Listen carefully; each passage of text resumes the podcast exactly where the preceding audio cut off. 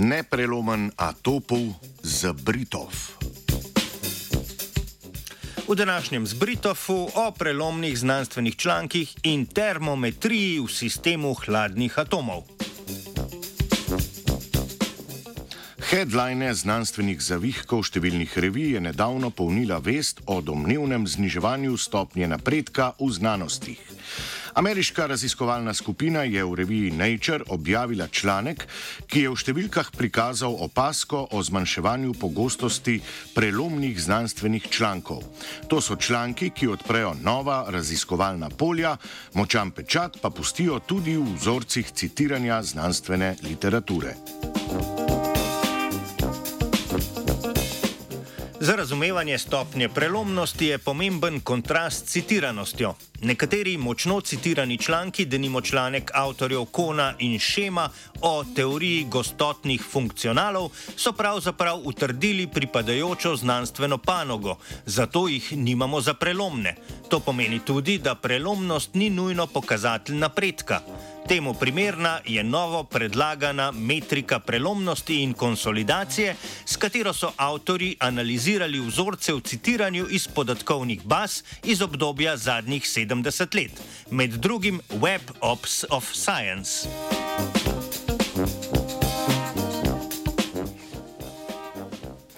Trend zmanjševanja deleža prelomnih člankov so opazili pri vseh disciplinah, tako fizikalnih kot družbenih znanostih in vedah o življenju ter medicini.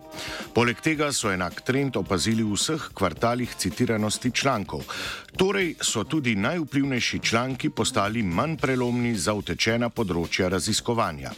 Izpostavljajo, da se število najbolj prelomnih člankov v zadnjih desetletjih pravzaprav ne spreminja, vendar ti predstavljajo vedno manjši delež vseh objav. Raziskava zaradi vidnosti utegne sprožiti pomembno diskusijo med snovalci znanstvenih politik. Avtori raziskave jim v zaključku članka predlagajo pogostejša sobotna leta, saj bi v teh raziskovalci in raziskovalke imeli možnost temeljito spremeniti področje svojega raziskovanja.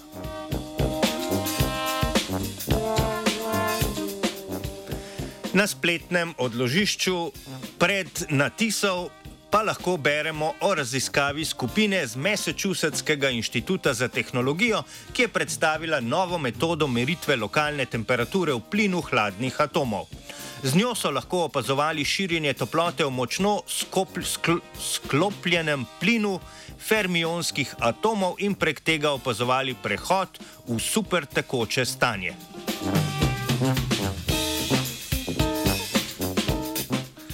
Tehnični napredek pri meritvi je predvsem prostorska ločljivost. Meritve temperature v hladnih atomskih plinih so zahtevne in navadno posredne, denimo prek entropije. Tu pa so z laserskim žarkom izbijali delce v od preostalega sistema ločeno stanje, število izbitih delcev pa je posredno odvisno od temperature.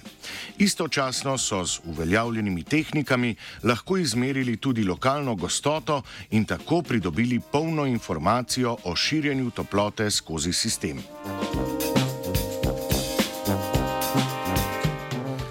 Z novo metodo so lahko v fermionskem atomskem plinu izmerili delež delcev v supertekočem stanju in pojav tako imenovanega drugega zvoka, ki je zvoku podoben način širjenja toplote in je značilen za supertekočine.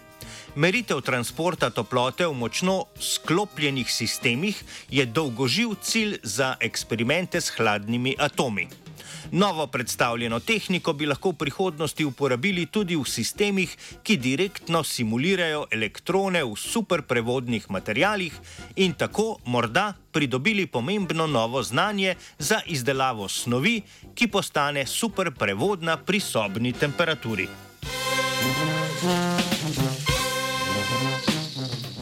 Znanstveni Britov je pripravil Martin.